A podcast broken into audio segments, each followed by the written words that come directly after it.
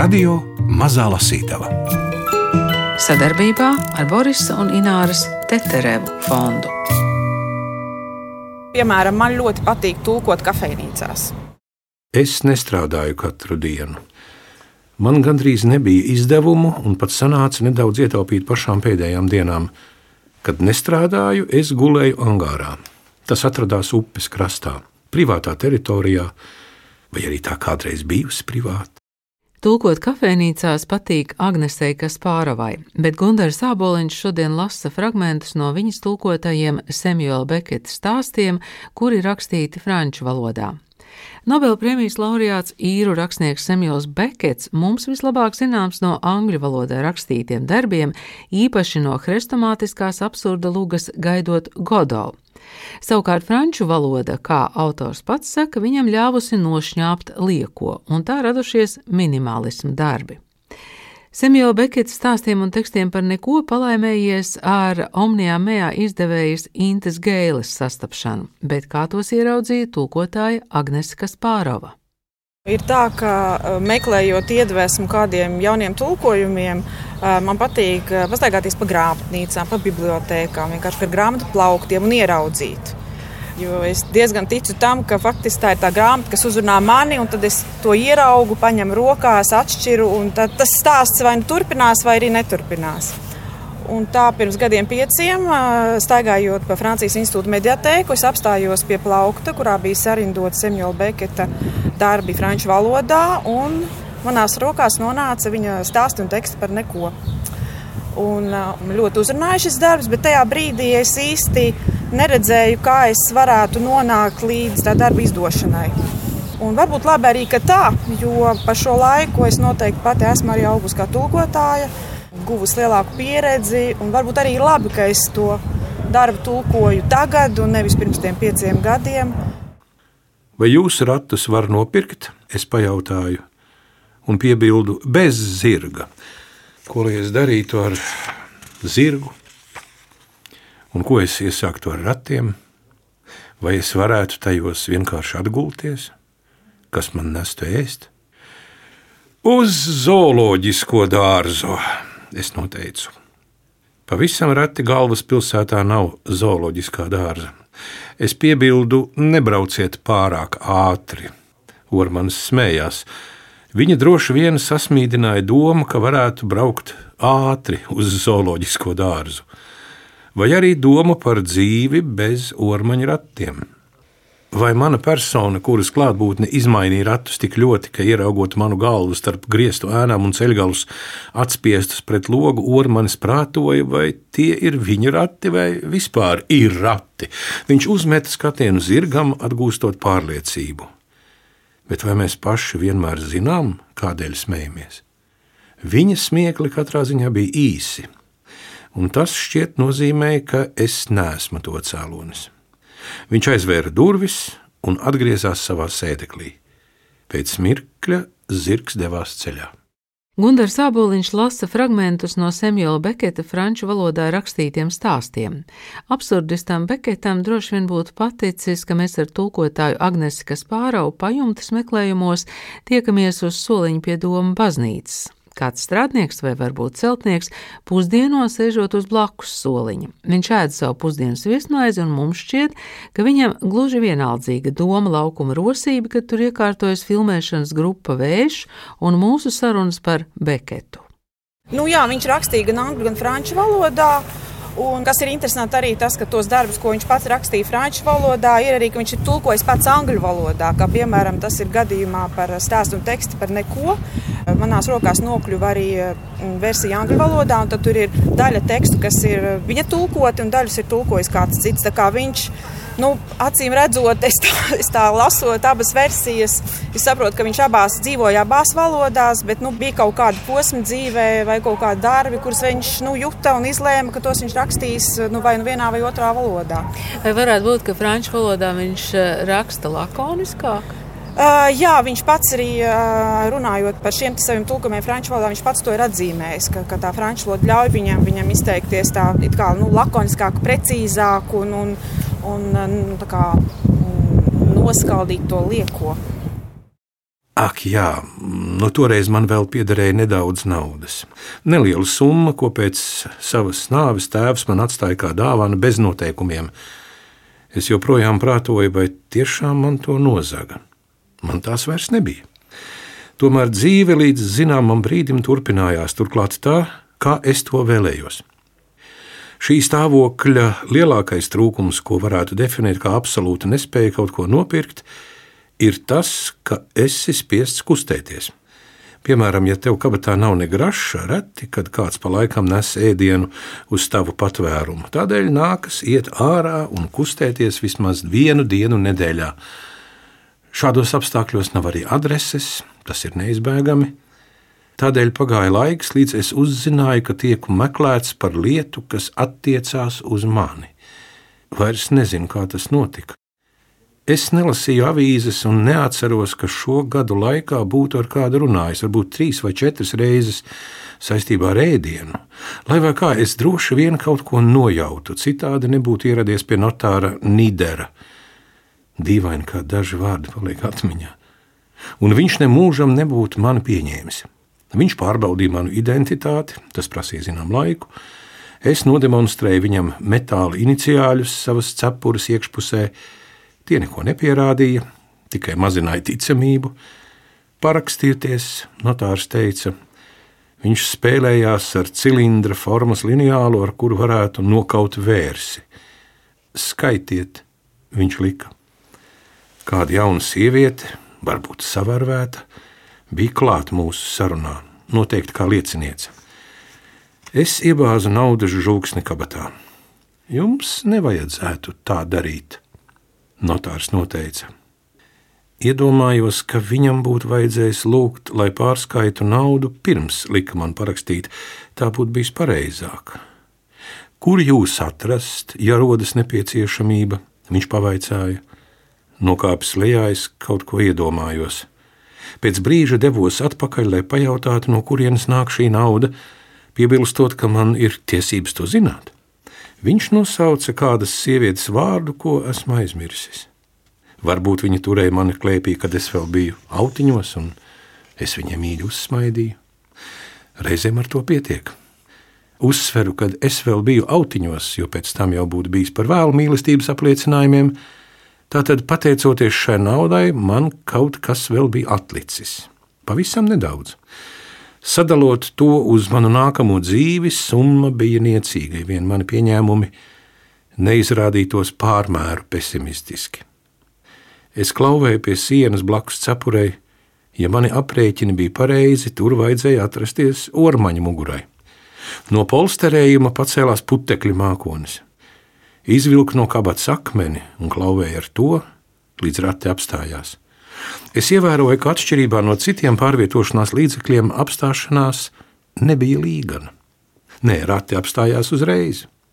Es gaidīju, rati vibrēja. Ormanis uz savas augstās bukas droši vien klausījās. Es redzēju zirgu ar savām miesīgām acīm. Zirgs nebija sašļucis īsajās pieturās, tas saglabāja modrumu, ausis bija izslietas. Es skatījos pa logu, mēs atkal kustējāmies uz priekšu. Es klauvēju pa sienu, līdz rati atkal apstājās. Ormanis lamādamies nokāpa no savas sēdekļa, nolaida logu, lai viņš neatrautu durvis. Ātrāk, ātrāk. Viņa seja bija sarkana, gandrīz violeta, dusmu vai vējainā brauciena dēļ. Paziņoja, ka nolīgstu viņu uz visu dienu. Viņš atbildēja, ka trijos ir bēris. Ak, tie mirušie! Teicu, ka nevēlos vairs braukt uz zooloģisko dārzu. Nebrauksim uz zooloģisko dārzu, es atkārtoju. Ormanis atbildēja, ka viņam esot viena alga, kurp braukt, ja vien tas nesot ļoti tālu viņa lopa dēļ. Un mums vēl stāsta par neaptēstu cilvēku runas īpatnību. Es pajautāju, vai viņš zina kādu restorānu. Teicu arī, jūs ēdīsiet pie viena galda ar mani. Šādās reizēs man patīk būt kopā ar vietas pazinēju. Restorānā bija garš galds, katrā malā tikpat gari soli. Sēžot galda otrā galā, viņš man stāstīja par savu dzīvi, savu sievu, savu lopiņu, un tad atkal par savu dzīvi, par savu draņķīgo dzīvi, kas tāda bija galvenokārt viņa rakstura dēļ. Viņš man jautāja, vai es saprotu, ko nozīmē būt ārā, jebkuros laikapstākļos. Es uzzināju, ka daži ormaņi joprojām pavada visu dienu siltumā, ratos, gaidot, kad klients pienāks un viņus sapurinās. Agrāk tā varēja, bet šodien vajagot citas metodes, lai nodrošinātu vecumdienas. Es izskaidroju viņam savu situāciju, izstāstīju, ko biju pazaudējis un ko meklēju. Mēs darījām, ko varējām, lai saprastu, lai paskaidrotu. Viņš saprata, ka esmu zaudējis savu istabu un ka man ir vajadzīga cita, taču pārējo nesaklausīja. Ormanis bija ieņēmis galvā, un šo domu nevarēja izdzīt, ka es meklēju mēbelētu istabu. Tur ir trīs stāsti, un tad šiem stāstiem seko teksti par neko. Ja nemaldos, vai 13 vai 14 tādi īsāki, garāki, nu, arī teiksim, tādi īsformāta stāsti. Bet eh, teksti par neko patiešām ir arī par neko. Ne, nu redz, kā ir, kad mēs runājam par neko, mēs vienmēr runājam par kaut ko. Un iespējams arī, tajā brīdī mēs nonākam pie kaut kā, par ko mēs apzināti varbūt arī ne, nedomātu, nedz, nedz arī runātu. Arī šajos eh, trijos stāstos atkārtojas, nu es pat gribētu teikt tēli, nu, piemēram, cepure. Droši vien, ka ir vēl kāds cepure, jā, nu tad tur atsevišķi Rati var, var būt zirgs, zirgs, tie policisti, protams, balss vai balsis. Kāpnes bija tik, tikko apgaismotas, varbūt gaisma ieplūda pa pagrablodziņiem. Es mēroju tās aizelsies līdz laukumiņam ar izvirzījumu, kur kāpnes noslēdzās un tukšuma pusē atdalītas. Ar ciniskām margām turpināja stiepties ap glūdu un apaļu sienu, ko vainagoja neliels svina un apsūbējuša vara kupols. Uh, es cerēju, ka ārā ir skaidrs laiks. Cilvēki te noteikti kāpi, lai baudītu skatu. Tie, kuri krīt no šāda augstuma, mirst pirms sasniedz zemi. Tas ir vispār zināms. Pieplacis pie sienas, es sāku iet uz riņķi pulksteņa rādītāja virzienā, bet veicis tikai dažus soļus, satiku vīrieti, kurš kustējās pretējā virzienā ar milzīgu piesardzību cik ļoti es būtu gribējis viņu pagrūst, vai ļaut, lai viņš mani nogrūž lejā. Viņš mirkli vērās mani ar izmisuma pilnu skatienu, tad, neuzdrošinoties apiet mani margu pusē un prātīgi izsverot, ka es neatkāpšos no sienas, lai atvieglotu viņam ceļu, pagrieza man muguru, vai drīzāk pakausi, jo mugura palika kā pieaugusi pie sienas. Viņš aizgāja turp, no kurienes nācis, drīz bija redzama vairs tikai viņa kreisā roka. Tā mirkli vilcinājās, tad nozuda, lēni aizslīdot. Man atlika viens skats ar izvalbītām un nemierīgām acīm zem rūtainas naģenes. Kādā groteskā murgā es biju iepinies. Mana cepure aizlidoja, bet nenokrita tālu, jo to saturēja aukla. Pagriezu galvu uz kāpņu pusi un cieši ieskatījos nekā. Tad parādījās maz meitenīte. Tai sekoja vīrietis, kurš turēja viņu aiz rokas, abi bija pielipuši sienai. Viņš iegrūda meiteni kāpnēs, pats nozuda tajās, pagriezās un pavērs pret mani seju, kas lika man atkāpties. Es redzēju tikai viņa galvu, kailu virs pēdējā pakāpiena. Vēlāk, kad viņa bija prom, es saucu. Ātri apgāju apkārt kāpņu laukumam. Neviena. Redzēju pie horizonta, kā debesis saplūst ar kalniem, ar jūru un līdzenumiem, saskatīju dažas zemes zvaigznes, nejaukt ar ugunīm, ko iededz cilvēku naktī vai kas iedegas pašas. Pietiek. Atkal nonācis uz ielas, es meklēju savu ceļu debesīs, kur labi pazinu greizos ratus. Ja es būtu kādu sastapis, es viņu uzrunātu, pat visnežēlīgākais skatiens nebūtu man atturējis Pieskāries cepurei, es teiktu, atvainojiet, kungs, atvainojiet, kungs, gānu vārti dieva dēļ.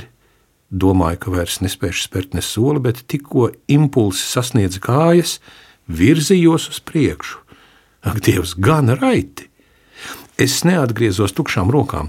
Es nesu mājās faktisku pārliecību par to, ka joprojām piedara pasaulē, savā ziņā arī šai pasaulē, bet es par to maksāju. Man būtu vajadzējis pārlaist nakti katedrālē uz paklāju pie altāra. Es būtu devies mājās agrā rītā, vai arī mani atrastu izstiepušos beigtu un pagalam, mirušu miesiskā nāvē, zilo cerību pārpilno acu priekšā un par mani rakstītu vakar avīzē. Bet lūk, es gāju lejup pa platu ielu, it kā pazīstamu, lai gan iepriekš dzīves laikā tajā nebija spēris kāju, bet drīz apjēdzis, ka ceļš ved lejup, pagriezos apkārt un devos pretējā virzienā, jo ejot lejup, baidījos atkal nonākt pie jūras, un sev teicu, ka tur vairs neatgriezīšos. Es atceros savu studiju gadus kultūras akadēmijā. Es esmu beigusi Latvijas kultūras akadēmiju, starpkultūras sakaru Latviju, Francijā šo fakultāti. Es atceros, kā mēs mācoties ārzemju literatūru, lasījām nu, dažādus darbus, dažādās valodās, bet bieži vien tās nebija orģināla valodas. Un, un, runājot par Beketu, kaut kāda iemesla dēļ es īsti neko studiju laikā arī no viņa neizlasīju. Jāsaka, šodien tā atceroties, palika dažas viņa fotogrāfijas, kuras ir pieejamas, un, un tās atmiņas par to, par tādām skumjām. Tāds tēls, tādas skumjas, un, bet tādas kaut kā gaišas skumjas. Un, un tāpēc eh, man bija, man bija tiešām interesanti tagad beidzot arī kaut ko no viņa izlasīt, eh, jo īpaši franču valodā jo tā man ir ļoti tuva valoda, un, un arī, arī tulkot, un, un tulkojot arī, nu, jo īpaši tā teikt, izdzīvot viņu kā personību, gan arī, gan arī viņu daļradi. Man jāsaka, ka vispār es pagājušo gadu diezgan dzīvoju absurdā, un tas nebija te, tikai pateicoties Beketam, arī pateicoties tam, ka Pagājušajā gadā tapu tulkojums UNESCO degunradzim, kas ir uzvests Dēls teātrī un gaida savu pirmsrādi ar skatītājiem. Tā tāpat tas absurds darbs, un arī, un arī Bekets, un situācija vispār kā tāda pagājušajā gadā un šobrīd. Tāpēc es saku, tas absurds kaut kā mani pagājušajā gadā pavadīja, bet es teiktu, ka nu, par spīti visam tīri veiksmīgi, un es, un es patiesi guvu no tā baudu. Kaut nu, nevienmēr arī tas tulkojums uh, bija vienkāršs. Gan saprast, ko Bekets īsti grib pateikt, gan arī nodot to latviešu valodā, bet nu, arī tās tēmas, ko viņš skar un eh, kas raisa tevī pašā pārdomas, eh, un nevienmēr varbūt tās, tās gaišākās pārdomas eh, par dzīvi, man, manis jau pieminēto vientulību, bailēm, par jautājumiem, ko mēs nepārtraukti sev uzdodam, par šaubām, par, par kaut kādām beigām, kuras būs, nebūs un kad. Uh, Bet, eh, kā jau teicu, kaut kā galu galā to visu apvīja kaut kādas tādas, tiešām tādas, tādas, tāds gaišums, kas galu galā nu, rezultējas eh, tādā patīkamā sajūtā. Tā es ļoti priecājos, ka es šo darbu tulkoju un, un ka tagad arī tas ir pieejams latviešu valodā, latviešu lasītājiem. Jā, starp citu, vēl palikšana bez pajumtes parādās. Ne? Jā, jā, jā tie, tie pajumtes meklējumi, palikšana bez pajumtes un, un it kā kādas pajumtes atrašana, jā, līdzīgi. Semīla Beketa stāstus un tekstus par neko izdevusi Omnijā Mea. No franču valodas tulkojas Agneska Spārova, kurai šis bijis absurda gads. Strādnieks vai varbūt celtnieks uz blakus soliņa ir beidzis pusdienot, bet vēl nekur neiet. Viņš pieceļas tikai tad, kad mēs ar Agnesu sarunu beidzam un ejam prom. Varbūt viņu tomēr ieinteresēja Beketa absurdās pasaules tēls. Es nestrādāju katru dienu. Man gandrīz nebija izdevumu, un pat sanāca nedaudz ietaupīt pašām pēdējām dienām. Kad nestrādāju, es gulēju angārā. Tas atradās upes krastā, privātā teritorijā, vai arī tā kādreiz bijusi privāta. Īpašumu, kura galvenā ieeja pavērās iepratim tumšai, šaurai un klusai ieliņai, ieskāva siena, ja neskaita, protams, upi, kas iezīmē ziemeļu robežu aptuveni 30 soļu platumā. Iepratim otrā pusē iezīmējās krastmala, zemes mājas, novārtā pamesti zemes gabala, žogi, kursteņu, smaiļu un torņu muģeklis. Skatienam pavērās arī kaut kas līdzīgs poligonam, kur karavīri visu gadu spēlē futbolu, bet logu nebija īpašums šķita pamests. Vārti bija aizslēgti, zāle iekaroja alejas, slēģi bija tikai apakšstāvlogiem, Logi naktī reizēm iedegās, te viens, te otrs, vismaz man tā likās. Varbūt gaismas no kaut kā atspīdēja. Kad es ievācos angārā, atradu tur apgāstu laivu. Es pagriezu to apkārt, nostiprināju rakmeņiem un koka gabaliem, izņēmu solus un iekārtoju sev gultu. Žurkām korpusa izliekuma dēļ bija grūti nokļūt pie manis. Kaut ļoti kārojās. Iedomājieties tikai dzīva miesa, jo par spīti visam es joprojām biju dzīva miesa. Pārāk ilgi biju nodzīvojis līdzās žurkām savos pagaidu mājokļos, lai ciestu no bailēm, ko tās ikdienā izraisa. Es pat izjūtu pret tām zināmu maigumu. Žurkas man tuvojās ar uzticību, un šķiet neizjūta ne mazāko riebumu. Tās mazgājās līdzīgi kaķiem Krupji vakarā stundām ilgi nekustīgi tupot, ķergaisā mušas. Tie iekārtojas vietās, kur beidzas nojumi un sākas atklāta debesis, tiem patīk slieksnis. Bet šoreiz man bija darīšana ar ūdens žurkām, īpaši liesām un negantām. Tad nu es izveidoju no izmētātiem dēļiem kaut ko līdzīgu vākam. Patiešām neticami, cik daudz dēļu es dzīves laikā esmu atradis. Ik reiz, kad man vajadzēja kādu dēli, tas turpat vien bija atlikt vien pieliekties. Man patika meistarot, nē, ne ļoti tā, nu, vienkārši. Tas pilnībā nosedza laivu, nu, es runāju par vāku. Es pastūmu to mazliet uz aizmuguri, iekāpu laivas priekšgalā, aizrāpoju līdz otram galam, pacēlu kājas un pastūmu vāku uz priekšu, lai tas pilnībā mani aizsedza.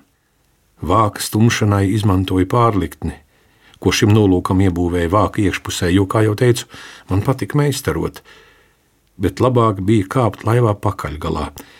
Tad vilkt vāku ar abām rokām, līdz tas pilnībā mani nosedz un tieši tāpat atbīdīt, kad vēlējos izkāpt. Lai būtu kur pieķerties, es iedzinu divas lielas naglas vietā, kur tas bija nepieciešams. Šie nelielie galdnieka darbi, ja tos tā var nosaukt, veikti ar instrumentiem un materiāliem, kas gadījās par rokai. Sagādāja man noteiktu baudu. Es zināju, ka drīz pienāks beigas, tādēļ spēlēju savu lomu. Nu, jūs zināt to, kuru, nu, kā lai to pasaka, es nezinu. Man jāatzīst, ka laivā jutos diezgan ērti. Vāks tik labi piegūla, ka man nācās tajā ierīkot caurumu. Acis aizvērt nedrīkstēja, tās jāatstāj vaļā tumsā, tā es domāju. Es eh, nerunāju par miegu, es runāju par to, ko mēs šķiet saucam par nomodu. Starp citu, tolaik es ļoti maz gulēju. Man nemaz negribējās gulēt, vai arī pārlieku gribējās. Es nezinu, vai arī man bija bail. Es nezinu. nezinu. Apgūlies uz muguras, es neko neredzēju, tikai pavisam miglaini, tieši virs galvas, caur mazītiņām, spraudziņām, angāra palēko gaismu. Neko neredzēt, tas ir par daudz. Es dzirdēju, kā netālu dobji kliedz kājas, rosoties gar kanalizācijas cauruli. Ja atmiņa mani neviļ, netīrumi gāzās upē dzeltenīgā zaņķī, un putnu bari lidinājās uz riņķi, brēcot no bada un dusmām. Es dzirdēju ūdens skalošanos pret kuģa piestātni, pret krastu un citu troksni, tik atšķirīgu, brīvu viļņošanos arī to es dzirdēju. Kad es pats pārvietojos, jutos ne tik daudz kā kuģis, vairāk kā vilnis, tā man vismaz šķita. Un mans miers slēpās ūdens vērpetēs. Fragments no Samuela Beketa stāstiem un tekstiem par neko lasīja Gunārs Sāboliņš, stāstīja Agneska Spārova, klausījās Agita Bērziņa, Reinas Budze un Ingvilda Strautmane.